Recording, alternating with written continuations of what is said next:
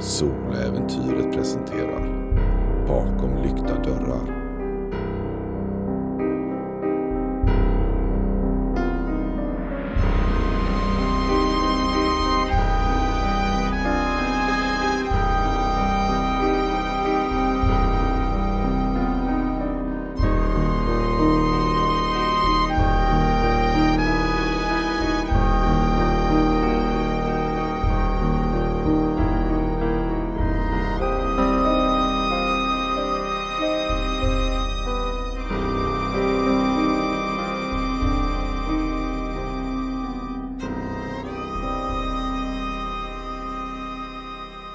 Säsong 5 Avsnitt 26 Endgame Kraften från Carver rinner genom Skys ådror. Hon är stark. Så, så stark. Hennes ögon är svarta. Hennes telekinetiska kraft är mycket starkare. Precis som det var i första gången då hon kände av det här.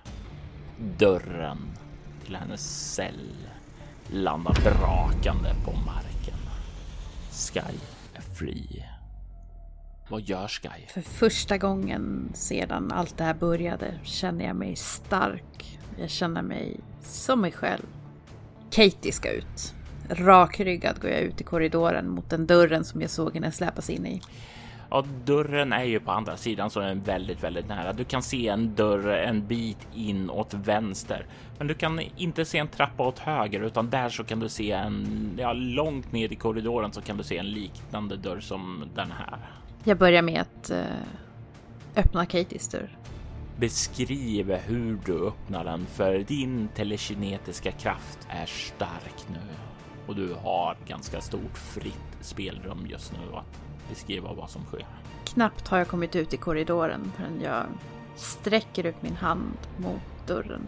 Jag behöver det inte för att hjälpa mig att fokusera. Det är mer som en reflex, som en gammal vana.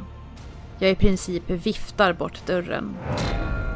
Nästan så att murbruket omkring där liksom ger vika när dörren åker åt sidan och du kan stirra in i Claras rum där Katie ligger medvetslös på sängen. Jag går fram till henne, kollar efter livstecken. Du känner på henne och du kan känna en vag puls. Hon är i liv. Kan jag bära henne över min axel? Du känner dig starkare nu än tidigare. Faktum är att du har fått tillbaka alla bestående förluster. Carver har gett dig den kraft du behöver. Jag tar henne över axeln som om hon vore en, en trasdocka. Vi går ut i korridoren igen och går till den tredje dörren. Den som då borde ha varit Eriks rum. Jag viftar bort den också. Lite nonchalant. Kliver in i rummet och skannar av den snabbt. Ser någon där? Du kan se in en ganska clean, eh, ja, ska vi säga, tänk dig en rik ung hipsters lägenhet. Men du kan inte se någon där. Det är tomt och ödsligt. Jag rynkar lite på näsan, lika mycket åt eh, den väldigt klyschiga hipsterinredningen som åt att det inte fanns någon där. Vänder sen på klacken och går till dörren som är där vart eh, jag hade förväntat mig en trappa. Ja, och jag vill bara tillägga att båda de här rummen som du var kika in nu, Erics och Clara, så fanns det en gammal dator som inte verkade passa in då. Du kommer fram till dörren. Viftar du undan den också? Det gör jag. Du kan stirra ut i en stor, ja, en stor källarrum med jordtrampat golv. Rakt fram ungefär 15 meter bort så kan du se en trappa som du faktiskt känner igen från drömmarna som leder uppåt. Men du kan se åt vänster att eh, det verkar finnas en dörr också det är en ståldörr, men den ser inte ut att vara lika rejäl som den som du nyss har skyfflat undan. Här så kan du se också att det finns en del kollårar här. Eh, du kan även se en del eh, skåp och sådant och hyllor med verktyg och utrustning också. Kan jag använda min eh, mediala förmåga på något sätt för att avgöra om jag kan känna av Hanna i närheten. Och du känner när du sluter ögonen att din mediala förmåga är ju starkare nu när Carver pulserar genom dig också. Men den är inte lika stark som din telekinesi. Men du kan ana döda vålnader som plågat finns i rummet åt sidan. Men du kan inte känna av hennes ande. Mm. Kan jag känna av några levande överhuvudtaget i det, bakom den dörren?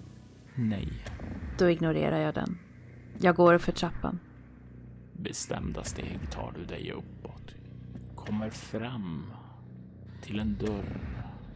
En dörr som ja, är stängd, låst. Jag går fram till dörren och lägger en hand på den. Och du lägger handen på. Du känner nästan att det bränner till i din hand och du ser ett skimmer runt den liksom blossar upp. Du tar en bestående förlust i skada.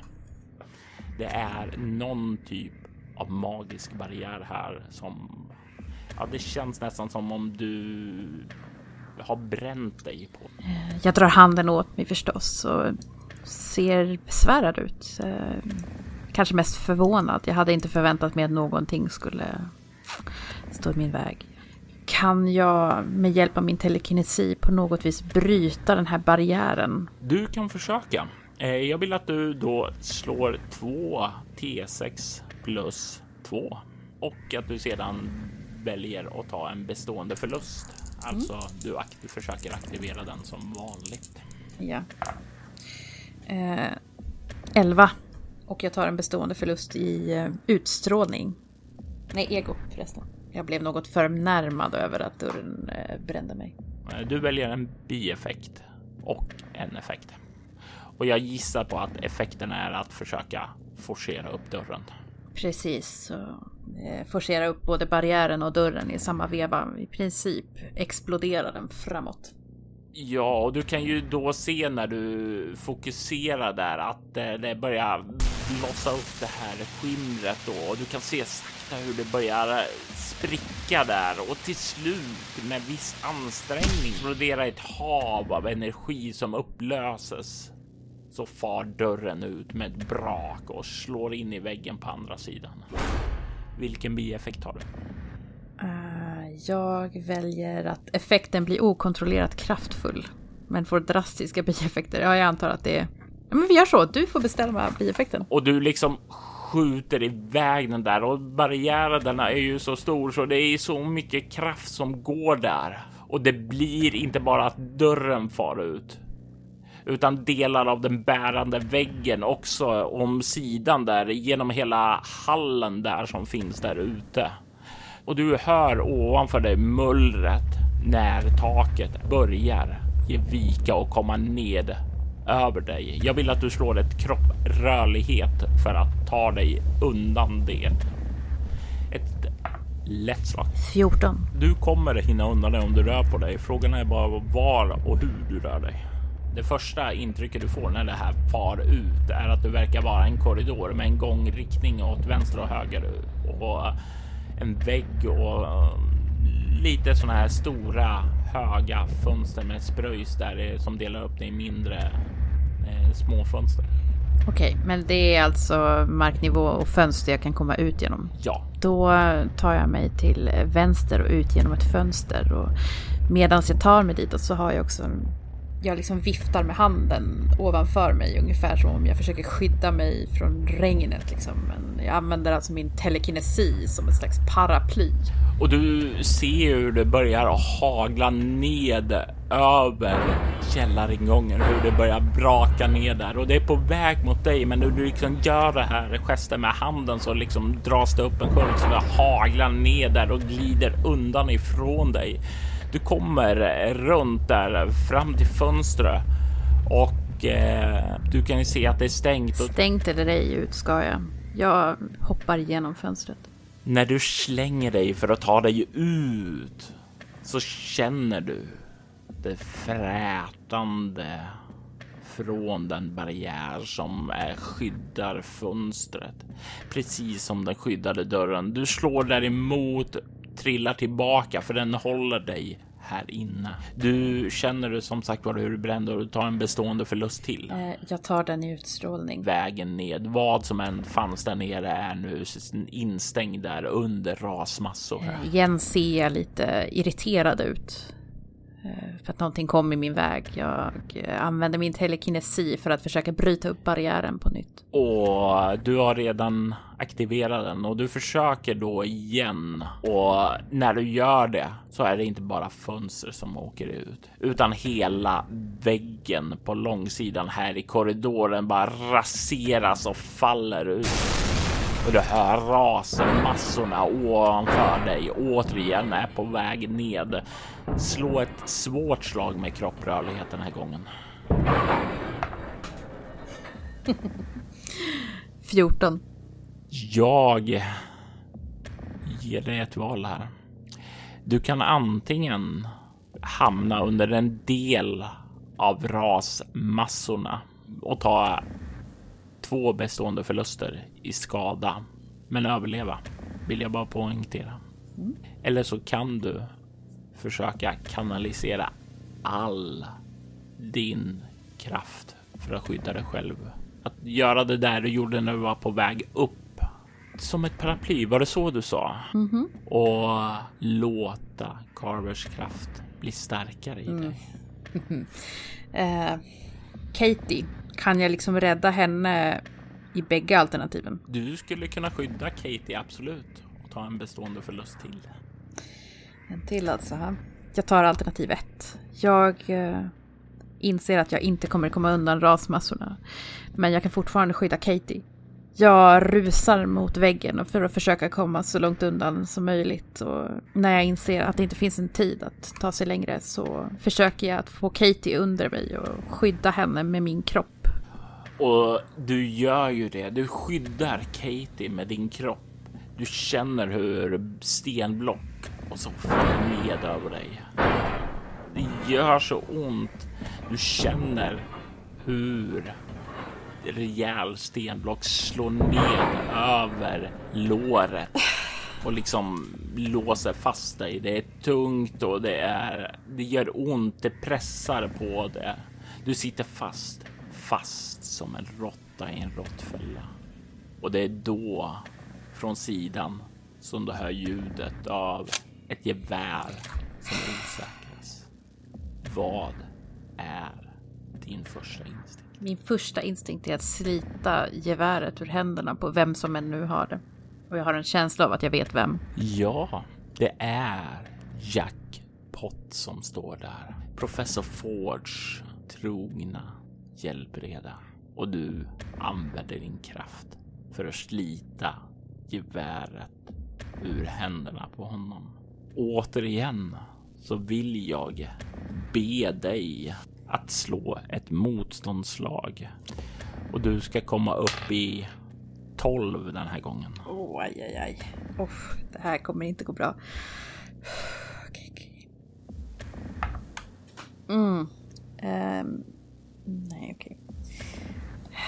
Nio. Och det är inte ens ett marginellt lyck. Nej, nej, det är det inte. Du sträcker ut handen för att slita geväret ur hans hand. Men när du gör det, när du försöker använda dina telekinetiska krafter så ser du hur medaljongen som hänger fram nu tydligt framför kring hans hals lyser upp klart och tydligt och du kan se att det är ett solöga som lyser på den. En gammal form av sydamerikansk symbol och du kan känna i takt med att den lyser upp när du sträcker ut din kraft. Hur plötsligt luften går ur dig. Du försöker slita den ur handen, men plötsligt så är du kraftlös. Det är som om medaljongen neutraliserat dig och dina krafter. Han håller upp geväret och siktar på dig. Du. Allt du har gjort han börjar gå närmare dig. Jag vill att du slår ett kroppskräckslag. Ett chockartat sådant. Jag är nere på ett äh, kropp här så att... Um, Okej. Okay. Sju. Det är två skräcknivåer. Åh oh, gud. Um, det här känns som att jag borde sätta ut i stress och då är det första gången jag sätter ut i stress. Slå en tärning. Fem. Tillståndet som du får oh, nej, är flykt. Du vill fly. Du känner en panikartad rädsla när Jackpot kommer närmare, siktar med geväret mot dig. Du vill fly. Du måste göra allt för att kunna fly. Såvida du inte tar en bestående förlust i utstrålning. Jag kan ju inte fly. Jag sitter ju fast. Du sitter fast. Här så står du inför valet att försöka göra någonting kreativt av dina sista ögonblick i liv. Eller panisk, försöka gräva sig loss och ta sig fri. Men båda känns kanske som hopplösa uppdrag. Men jag vill ändå veta vad du gör. Tar du en bestående förlust i utstrålning? Jag tar en bestående förlust i utstrålning. Jag inser situationens eh, hopplöshet. Jag inser att jag, jag kan inte, jag kommer ingenstans. Jag kan inte ta mig någonstans. Det är ingen, det är ingen idé att försöka fly. Jag eh, försöker ruska liv i Katie. Katie! Katie, vakna! Du måste vakna! Avlägset så tycker du att du hör en tågvissla. En tågvissla. Men det finns inget tåg här i närheten. Men du hör den likt väl ändå. Du skakar i Katie och du kan se att hon fortfarande är medvetslös. Hon verkar inte ens reagera på att du skakar henne. Du kan se hur Jackpot kliver närmare dig. Nej, nej, nej, nej, nej, snälla, lyssna, lyssna. Snälla, låt mig leva. Snälla, skjut mig inte. Du har förstört allting. Jag fortsatte professor Fords värv, men du har förstört allting. Varför ska jag låta dig leva? Han höjer geväret mot dig. Nej, snälla. Han osäkrar geväret. Jag lägger ar armen framför mitt huvud som om jag försöker skydda mig. Och rent instinktivt så aktiverar jag liksom min telekinesi för att skapa en slags sköld. Jag försöker skydda mig med min telekinesi. Och hans amulett lyser upp återigen och sprider ett ljussken över dig. Tydligare. Amuletten. Jag försöker att slita loss amuletten. Du sitter begravd under det här tunga stenblocket. Du är fast som en råtta. Jag tänker här att du kan få slå ett lätt slag med ego stridsvana för en överblick av situationen. Nej, medan han siktar mot dig och gör sig redo för att sätta ett skott i din panna. Mm. Uh, sju. Du kan ana rörelse borta ifrån villan. Du kan känna att Katie är medvetslös. Du känner dig begravd under den här tunga stenmassorna. Kanske skulle kunna slita dig lös och rycka där. Men då måste du verkligen rycka dig loss och vem vet vad det kan orsaka för skador, för permanenta skador på ditt ben. Kanske kommer du aldrig mer kunna åka roller derby eller kanske ens kunna springa. Men det är kanske ett öde bättre än döden. Du hör tågvisslan komma närmare. Och på något sätt så känns den rogivande. Ja, jag, jag kan inte fly. Jag tror inte jag, jag, Det finns inte. Jag kan inte. Jag försöker att slita mig loss och jag skriker ut Carvers namn. Jag känner mig nästan sviken av honom. Han lovade mig all kraft jag behöver och ändå är jag här. Carver, din jävel! Hjälp mig då! Jag vill att du slår ett mycket svårt kropprörlighet. Du kan få använda Roly Derby drottningen. 14. Du försöker rycka dig loss, ta dig upp. Du sliter dig upp. Du känner hur någonting knakar till. Du känner som om det är någonting som går loss, som om det knät knakar till och liksom oh, förlorar sin plats i det, utan det är nästan som knäskålen flyter undan ifrån den position den ska vara. Smärtan är enorm och du kommer ta en bestående förlust av det här. Men innan det så får du slå ett lätt slag med kropp obemärkt för att slita tag i medaljongen. 10. Du sliter tag i medaljongen och sliter den av honom och tar, sen tar du en bestående förlust i kropp. Och där är jag nere på noll. Tågvisslan tystnar och du glider in i mörkret. Ett skott brinner av. Men Jackpot, han har inte medaljongen på sig längre. Rörelsen bortifrån ruinerna är Hanna. Hanna som har varit där inne i huset ända sedan Sky blev fängslad där nere. Ända sedan hon lyckades fly så har hon lekt en galen katt och råtta lek. Hon har försökt ta sig ned i källaren.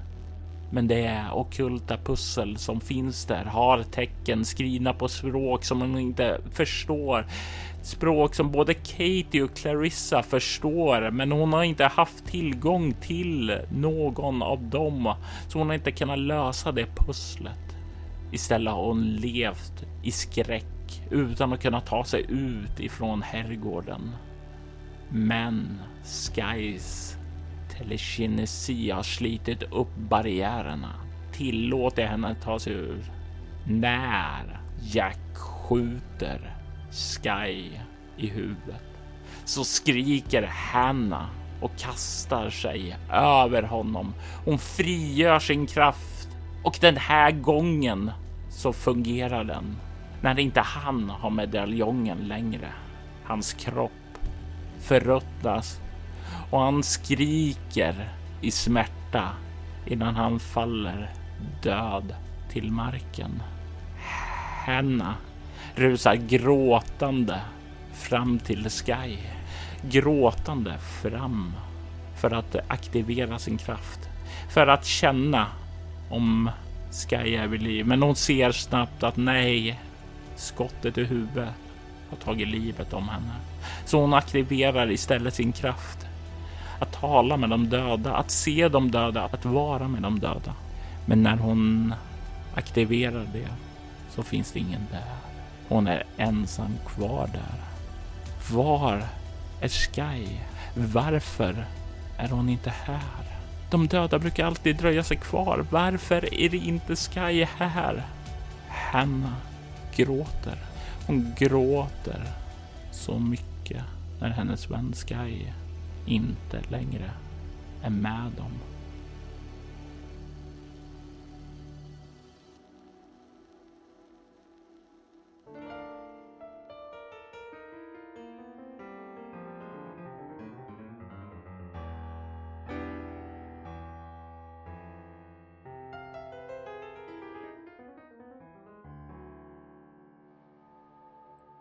Natalie har tagit sig ut från sin cell. Hon har insett att hon befinner sig ombord på ett lastfartyg och att hon är förföljd av ett drömmonster.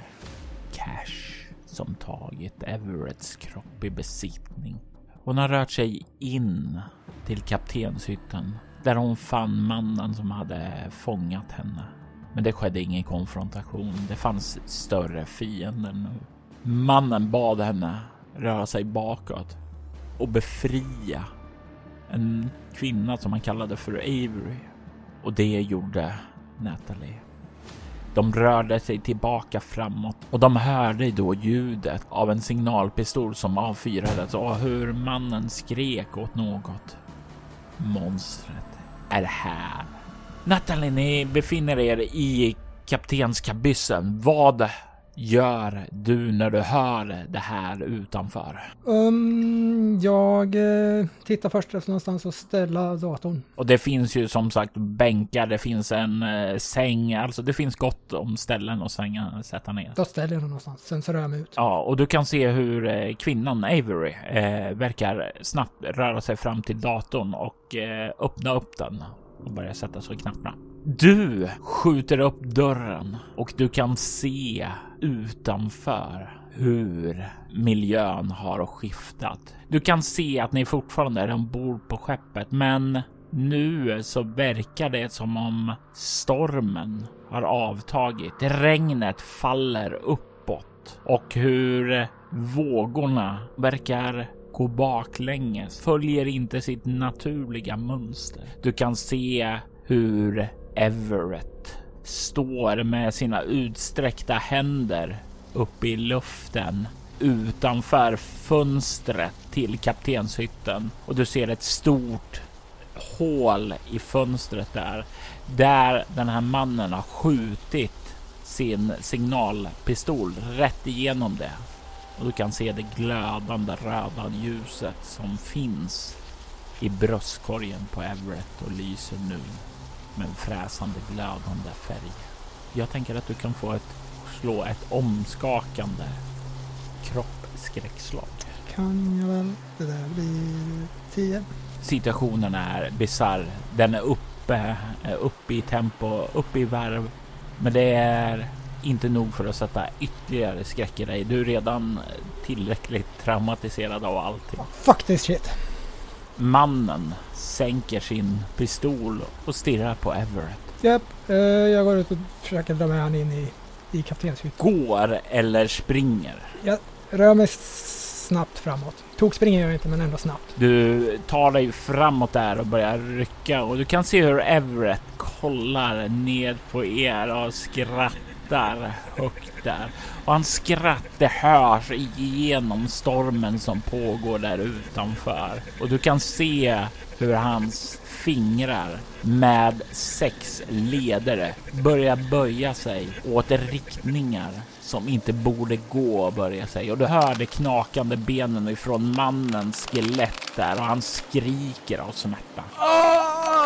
Du kommer fram och kan slita tag i honom. Japp, då försöker jag dra med honom. Du har inga problem att slita tag i honom och börja dra honom bakåt. Han stapplar ju med dig samtidigt som Everett börjar glida närmare fönstret. Du kommer fram till dörren och kan puffa in honom Och gör det. och du ser hur han faller till marken där innanför. Du kommer in du med. Hej, där ute, där ute. Behöver du skeppet eller? Du kan förslå ett utstrålning interaktion. kan vi göra. Och hoppas jag på att jag slår bra. Så det där skulle varit 10 plus 4 men det är minus 1 också. Så att... Eh, 13. Och du kan se hur han stannar där i luften och säger Åh, jag behöver det här skeppet och mer. Ge mig professor Jeremiah Ford och jag ska låta dig gå Natalie. Som en ynnest för att du tog mig hit. Uh, Okej, whatever. Jag vet inte om jag hade så mycket med det att göra men... Eh, jag måste snacka med honom. Wait a second. Stänger igen dörren. Och du hör ljudet av hans fötter som landar där utanför. Dörren är igenstängd och du ser hur mannen liksom uh, sätter, sätter sig upp. Okej, kan du göra något på datorn som ser till att det här slutar? För alternativen är annars vi slänger ut honom till den där saken och vem vet vad fan som händer för jag tror inte han tänker stanna bara för det hela. Eller två, vi sätter, sänker hela jävla båthelvetet. Eh, Systemet där nere ligger nere så jag har ingen aning om vad som har skett där. Skeppssystemet saknar jag kontroll över men nu när jag är fri från mina bojor så kan jag ta fram konsolen. Jag borde finna någon form av sårbarhet där för något säger mig att professor Ford inte tänkt på datorsäkerheten. Kanske kan jag använda mig av en enkel algoritm för att komma förbi säkerhetskrypteringen. Ja, Okej, jag förstår inte ett skit av vad du just pratade om men ja, jag har inga saker jag kan göra mot ett övernaturligt drömmonster. Jag kan styra skeppet. good. Och du hör sedan hon börjar knappra på datorn. Och du? Han sätter sig upp. Vet du vad? Nu skyller han på mig att han är här. Det är fan du som drog in mig i det här jävla testet. Jag drog in dig här, men du är ett sådant monster jag trodde du var. Du har åkallat honom, du eller någon annan. Han, han där ute. Jag visste att ni var ett hot mot världen, så sant som mitt namn är Jeremiah Ford. Du hade kunnat fråga mig om Cash var ett hot mot hela alltihopa. Då hade jag sagt ja! Cash! Vem är Cash? Cash är monstret som besätter den där kroppen. Ja, jag hade uppenbarligen rätt. Om vi måste dö idag så är det tur att vi gör det här ute och inte där mänskligheten kan komma till skada. Du och din vän är världsförstörare. Ni är ansvariga för att släppt fri det här monstret. Och om vi inte hade varit här så hade vi fortsatt att gå i skolan, lärt oss massor med blö blö blö från lärarna. Och frigjort världsförstöraren där i Utopia, bland era vänner. Japp, det är min hobby att frigöra monster. Jag tror inte det är någons hobby. Men det är det som ditt liv är. Ett hot mot alla andra. Och det leder upp till stort jävla misslyckande då. Eftersom du inte hann stoppa mig i tid. Du kan få slå ett utstrålning interaktion, för det där är ett ord som vet vad det tar hos honom. Du får plus två på det också.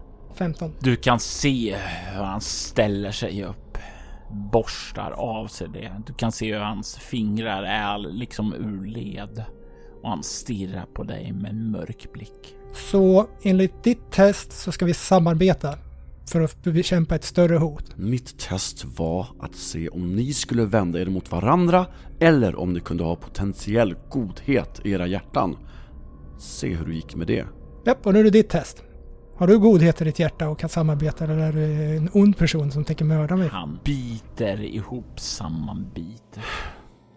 Okej, vad är din plan då? Jag vet inte, jag kan inte så mycket om drömsaker. Du verkar ju veta något om världs... Jag känner till världsförstörarna. Hot som kommer till världen från drömmarna. Och det är ungefär då som du kan höra. Är ni klara där inne? Eller ska jag komma in? Mm, jag vet inte. Du kan se hur professor Ford gör en gest ut med handen. Jag kan inte mycket om drömmarna heller. Jag har varit insugen i drömmarna tidigare och att de länkar oss alla samman, alla människor. I drömmarna finns det en möjlighet att separera väsendet från kroppen. Förefaller mest logiskt att angripa den där, men jag har ingen förmåga att ta mig in dit. Inte utan min artefakt i alla fall. Nej, jag har uppenbarligen en jävla psykoförmåga att, inte vet jag, se saker. Ja, du är synsk, det vet väl vem som helst. Yeah. Okej, Alla ni hade förmågor. Det var därför som ni var ett hot. okej, jag tror du har förstått det hela väldigt fel. För om jag överhuvudtaget har några eh, förmågor så är det de som har kommit först i och med att du fick mig att börja knarka. Nej, de fanns där inneboende i dig. Potentialen hade alltid funnits där. Okej, det kanske var jag som fick dem att blomma ut, men de hade kommit, förr eller senare. Du kan höra utanför någon som nynnar en visa. Den går i disharmoni, baklänges, ur fas. Den stämmer inte och det du känner hur det liksom äter lite av din tålamod, av ditt fokus. Du tar en bestående förlust i utstrålning. Du har en gåva. Använd den. Se om det finns en väg ut. Okej, jag vet inte hur man gör men jag ska försöka. Och att du är allmänt sur och otrevlig hjälper inte. Han tar ett steg tillbaka. Jag går och typ lägger mig på sängen som var där. Sluter mina ögon och typ Okej, kom igen nu. Jag muttrar lite för mig själv. Och jag vill nu att du noterar på esoteriska färdigheter att du har Kratos 1 synsk.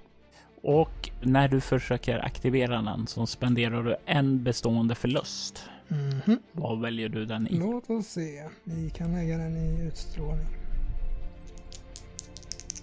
Och så är det två T6 plus 1. Ja, Och så har en 5 och en 4 plus 1, så 10. resultat 10 till 12 innebär att du väljer både effekten och bieffekten.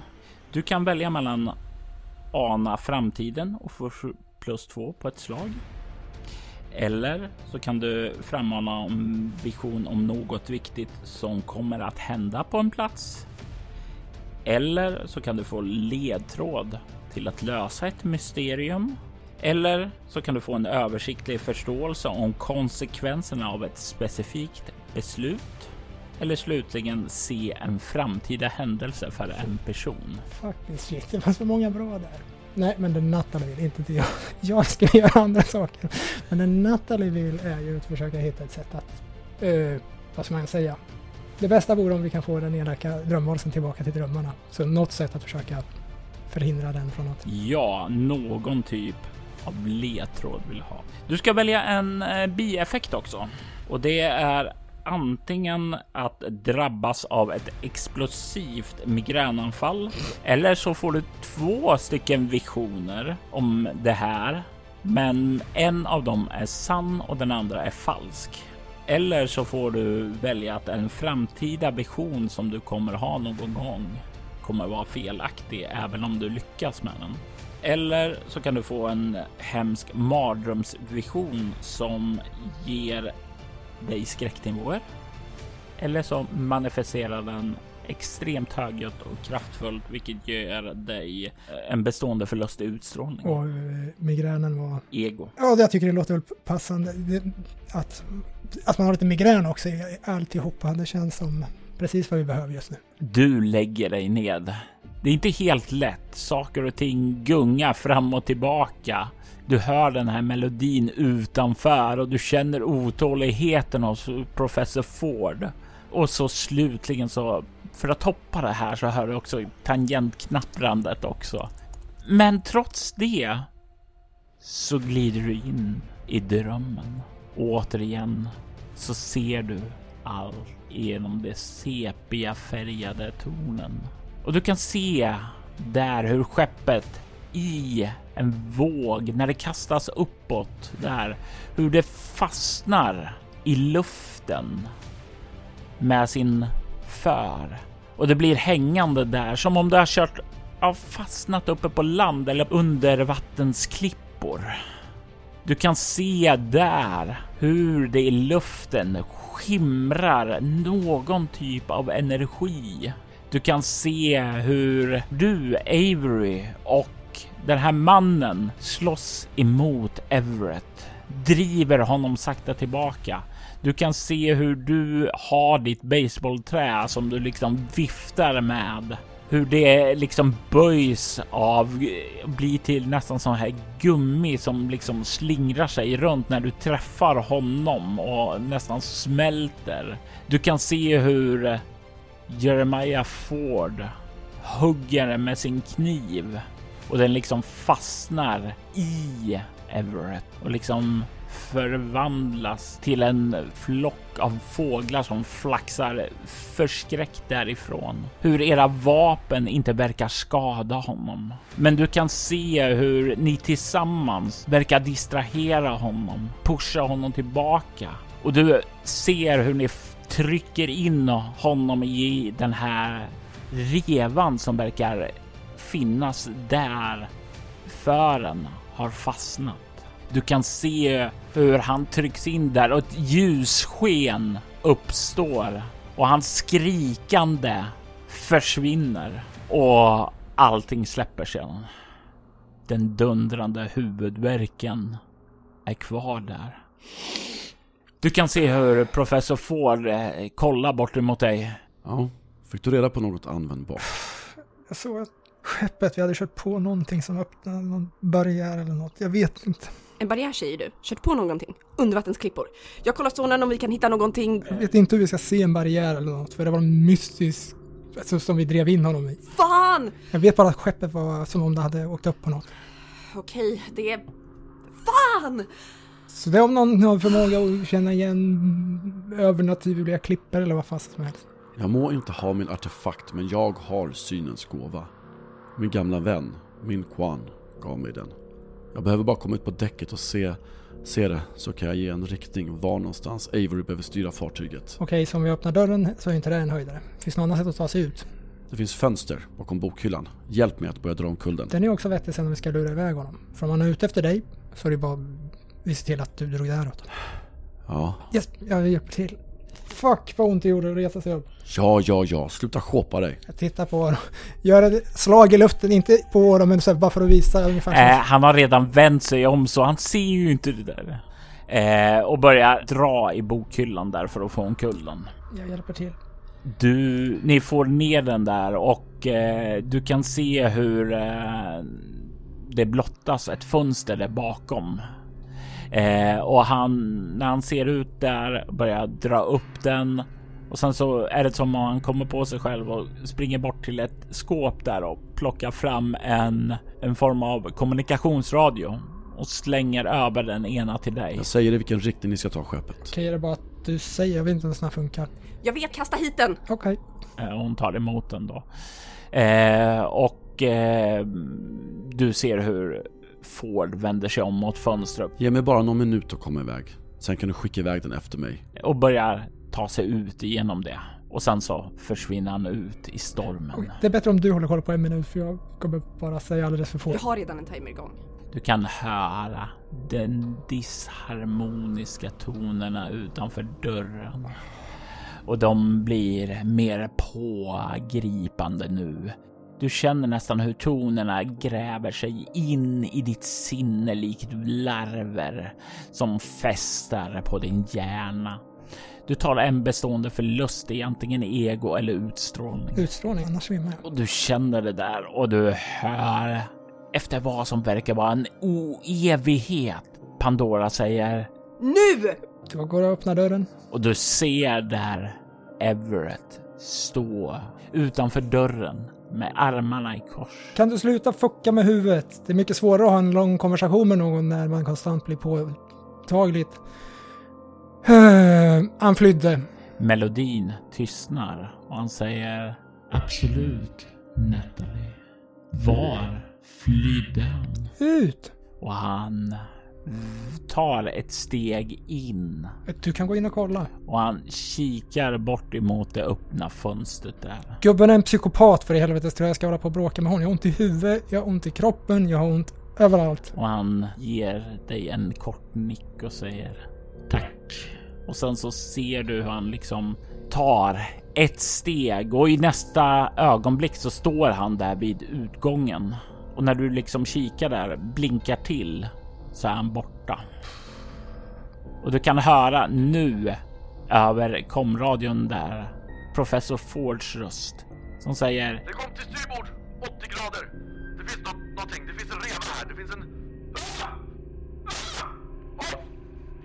Här kommer det! Okej, lägg om! Lägg om! Lägg, lägg! Okej, that's not good. Kör så jävla fort du kan däråt. Och du hör hon liksom knapprar där på tangenterna. Och du känner hur hela det här skeppet börjar lägga om kursen. Hur den börjar vända om. Utanför så hör du körer. Himmelska körer som blandas med sånger från havens djup. Du hör ett visslande. Ett falskt, falskt visslande. Som påminner om din fars fotsteg som ekar på lastfartygets däck. Sakta, sakta. Något som kommer närmare. Jag kliver ut. Du kommer ut i kaptenshytten där och kan se ut över skeppet. Du kan se hur containrarna har kastats bort sedan länge. Du kan se hur skeppet nu trotsar vågorna. Börjar närma sig den här revan du såg i visionen. Och det är nu som du också lägger märke till hur... Oh, vänta, vågen där borta.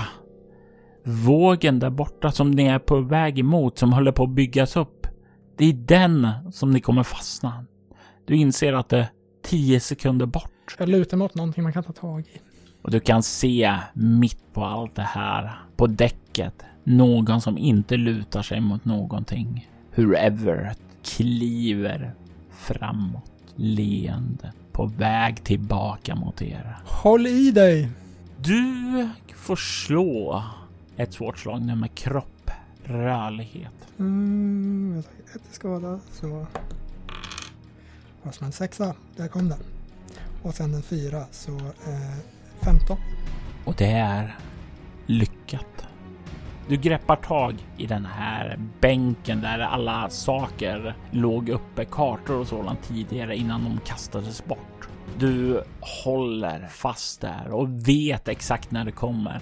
Du hoppas bara nu att Pandora gjorde detsamma där inne ifrån ditt skrik. Och i nästa ögonblick så känner du hur skeppet är på väg upp för den här vågen och slår emot någonting där. Du känner hur liksom du rycker till och är på väg att fara bakåt. Men tack vare förvarningen så kan du hålla fast och inte förlora greppet. Men skeppet fastnar lite så det sluttar uppåt. Du hör en duns där bakom när Pandora, ja, inte faller ur stolen men stolen far bak mot väggen där längre och hon uffar till där. Verkar inte ha varit alltför stark skadade, men en liten smäll fick hon i alla fall. Okej. Okay. Jag börjar springa inåt, sen kommer jag på shit, jag börjar spana efter om jag kan se Everett eller Cash. Du ser av smällen så verkar han ha...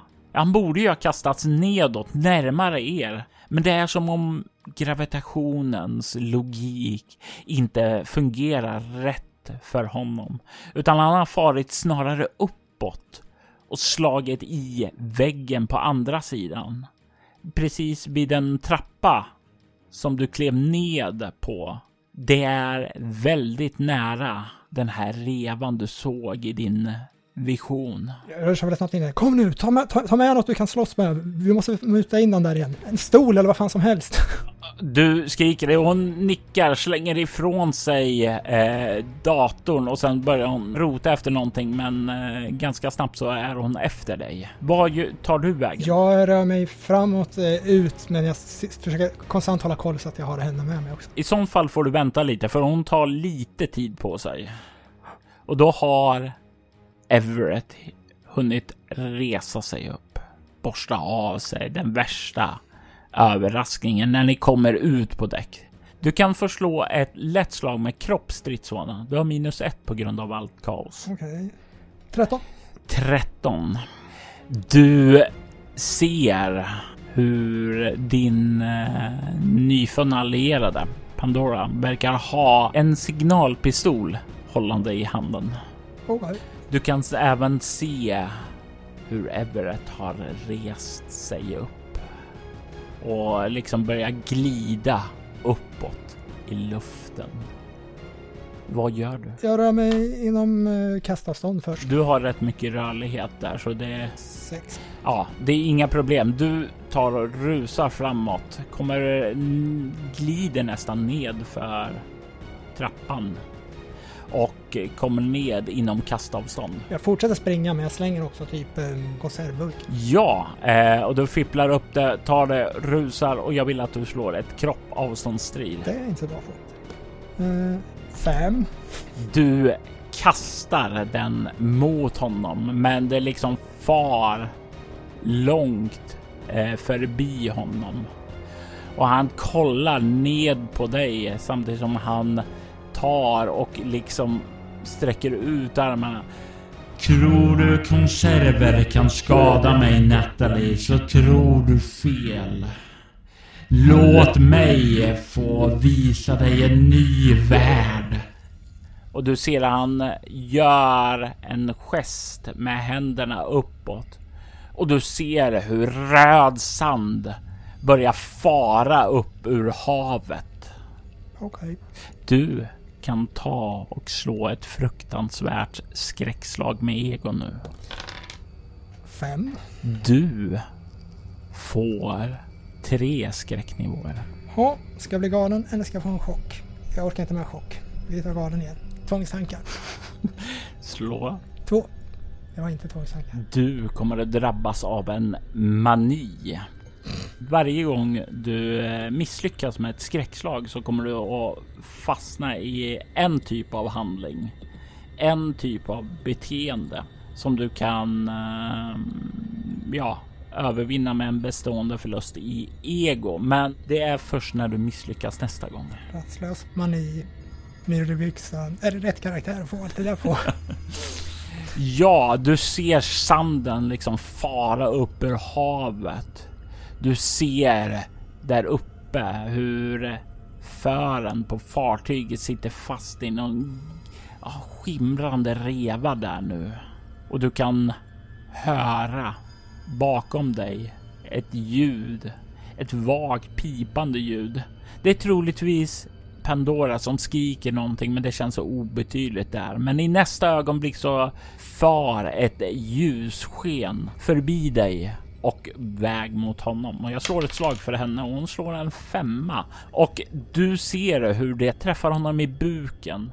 Precis under det andra glödande ljuset som nu vid den här tiden har slocknat sedan professor Ford träffade honom. Och du kan se han kränger till bakåt och liksom far en bit bakåt i alla fall och kommer lite närmare det skenet. Och han tar och vänder ned blicken mot er och du kan se nu hur skeppet bakom er börjar lyftas upp bakåt. Du hör det gnisslande metallen från skeppet som börjar knakas då skeppet börjar omformas i takt som hans leder börjar brytas åt sidan och röra sig i vinklar som inte är fysiskt möjligt. Jag tog charge ska försöka dunka så långt bakåt jag kan. Börja med att slå ett kropp rörlighet för att se hur mycket distans du lyckas att röra dig. Mm. Det är ett svårt slag för att komma fram. 12, 13,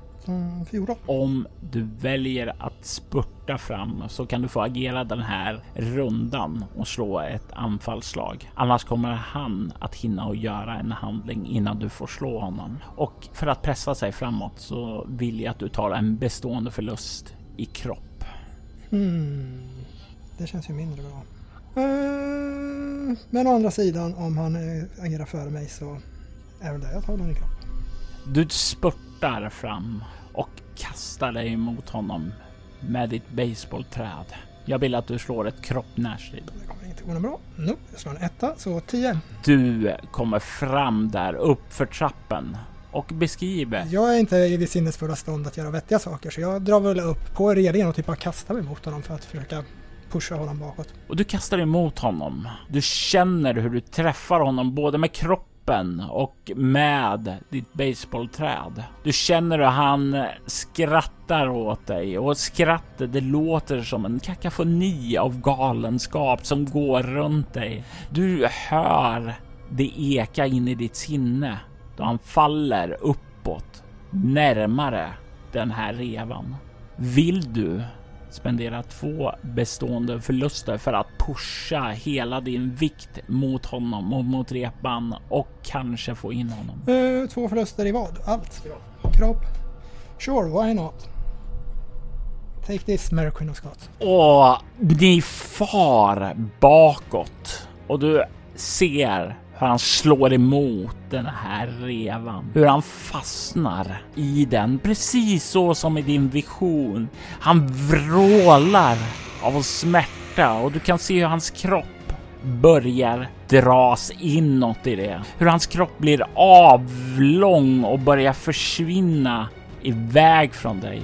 Och du känner hur Everetts fingrar håller dig i ett stadigt grepp och inte verkar släppa det när han skriker. Utan han är på väg att slita med dig in i revan. Jag vill att du slår ett svårt slag med kropp, rörlighet för att inte följa med in dit. Jag är ju äventyrlig så jag kan lyckas med slag om jag spenderar en kropp. Jag har varit med om att folk som slänger sig i och sådär som förut så. Och det här är ju precis rätt tillfälle att använda den. Beskriv hur det går till när du liksom frigör dig från hans grepp. Jag tror innan hela hans kropp sugs in så att det fortfarande finns en buk eller någonting kvar så sätter jag nog foten mot den och sen så trycker jag ifrån så gott jag kan och faller bakåt ifrån den. Och jag antar kroppen i skada är pang. Ja, och inte bara pang när du slår ner den utan du faller ju bakåt eftersom den är uppe så du liksom tar och rullar nedåt för själva trappan och sådant. Och jag tänker att du får slå ett kropp, ett lätt slag med kropp obemärkt för att minska skadan. Det vill säga Om du misslyckas med det här slaget så kommer du ta fler Ja, skador. eh, jag spelar ingen stor roll eftersom att jag bara har ett i kropp kvar. Ja, men eh, rullskador och så kan även eh, simuleras av. Du kan få ta andra bestående förluster. Då använder jag min andra förmåga som jag alltid glömmer bort att använda. Jag är en adrenalinjunkie och en gång per spelmöte får jag lägga till plus två på ett fysiskt slag. Så 10, 11, 12. Ja, och du tar inga ytterligare bestående förluster. Du har ju tränat många sporter och i många av de här sporterna så har du lärt dig att falla och du rullar med det här nedför trapporna och börjar glida nedåt där. Och du känner i nästa ögonblick hur det här skeppet plötsligt bara släpper och faller nedåt rakt fram in i den vågen som höll den fast tidigare. Och du känner ju hur allting smäller till och du kastas upp i luften och slår ner mot däcket igen. Du tar en bestående förlust av det, men du behöver inte ta den i kroppen. Jag måste ta en utstrålning för jag har ett i båda andra. Och det är liksom energin och sådant. Det är ju helt, du har in, nästintill inga krafter kvar. Och du blir liggande där. Och du hör hur stormen börjar bedarra. Du kan se hur Avery skyndar fram till dig och böjer sig ned till dig. Nathalie, är du okej? Lever du? Är vi säkra nu? Sen börjar hon att kolla eh, på dig. Jag ler bäst jag kan. Sträcker ut handen, försöker ta henne lite bakom nacken och bara dra henne till mig för en kram. Det, det är väl vad jag behöver mer just nu. Det är förstås väldigt ont och så vidare för min kropp är mördbultad men Och du... Du håller mot henne och det känns så bra med mänsklig kontakt. Runt omkring dig så kan du se molnen börja spricka upp. Och det är som om inom loppet av några minuter så är den här stormen borta. Som om den har helt upphört. Solen har tittat fram och ni ligger där på det regndränkta däcket på skeppet Primo Victoria. Ni har stoppat den lilin som var i Everetts kropp. Men vad var det där för reva som ni förde honom in i? Och vad hände med professor Ford? Det har ni ingen aning om. Men ni vet att ni överlevde i alla fall. Oavsett var ni än är nu så är ni ensamma och vid liv. Det är bara en tidsfråga innan ni äntligen kan finna en väg tillbaka hem. En väg tillbaka till San Sebastian.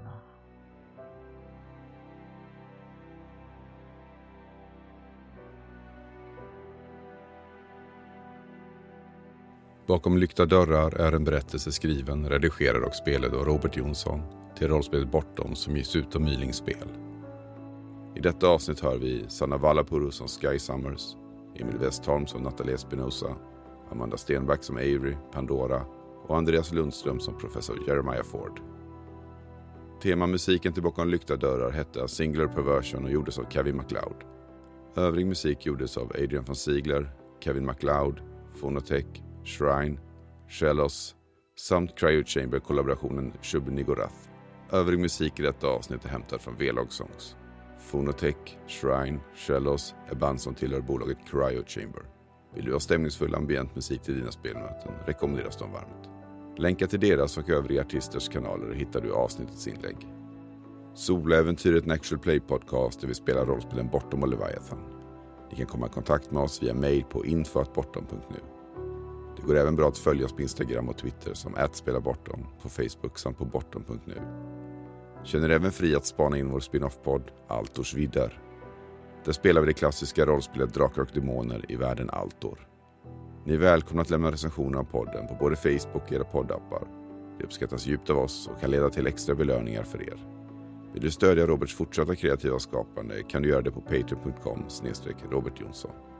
De som alltså backar får tillgång till material i form av extra poddar och statusuppdateringar. Vi vill ta tillfället i akt att tacka Martin Stackelberg, Mia Gibson, Ty Nilsson, Daniel Pettersson och Kjetil Kvärndocken för det stöd som de givit. Mitt namn är Jörgen Niemi. Tack för att ni har lyssnat.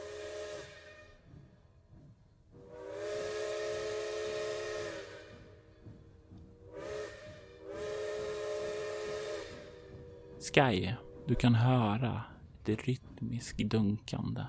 Du kan känna att du verkar ligga ned. Att du ligger i en säng av något slag. Du kan känna hur du liksom vaggar lite fram och tillbaka i det behagfulla tempot av ett tåg som verkar på väg någonstans. Du känner ingen smärta i benet längre. Jag öppnar ögonen, ser mig omkring. Du kan se att du verkar befinna dig i en liten, liten tågkupé. Inte ett modernt tåg utan tänk dig ett, ett gammalt tåg från typ 1920-talet. Det är en liten sovhytt. Det finns ett litet bord här och en bänk på andra sidan sängen. Det är absolut kalt här inne. Väldigt, väldigt spartanskt och enkelt. Det verkar finnas en liten dörr till en toalett och en dörr utåt också. Och plö plötsligt så minns jag jag sätter mig upp med ett tryck och min hand. Jag känner på min panna, jag känner i mitt ansikte. Du känner på dem och de är oskadda. Jag kliver ur sängen. Vad, vad har jag på mig för kläder? Har jag mina egna kläder på mig? Du har de kläder du hade på dig alldeles nyss, fast de är hela och rena. Jag öppnar dörren till det, ute i gången. Du tar, kliver fram till dörren, tar ett djupt andetag innan du sakta försöker öppna den.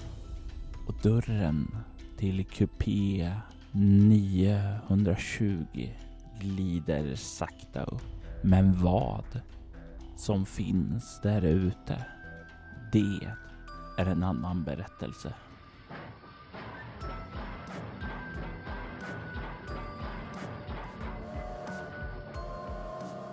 Skys äventyr är inte över. I skärselden så är döden bara början och där så väntar nya äventyr. Soloäventyret presenterar i samarbete med Patreon-äventyret en crossover-berättelse. Skärselden döda världar. Premiär 2023. Skärseldens outromusik är skapad av Jesaja Loveiko från podden Rollspelsdags. Ni hittar den där ni hittar andra poddar. Tack för att ni har lyssnat.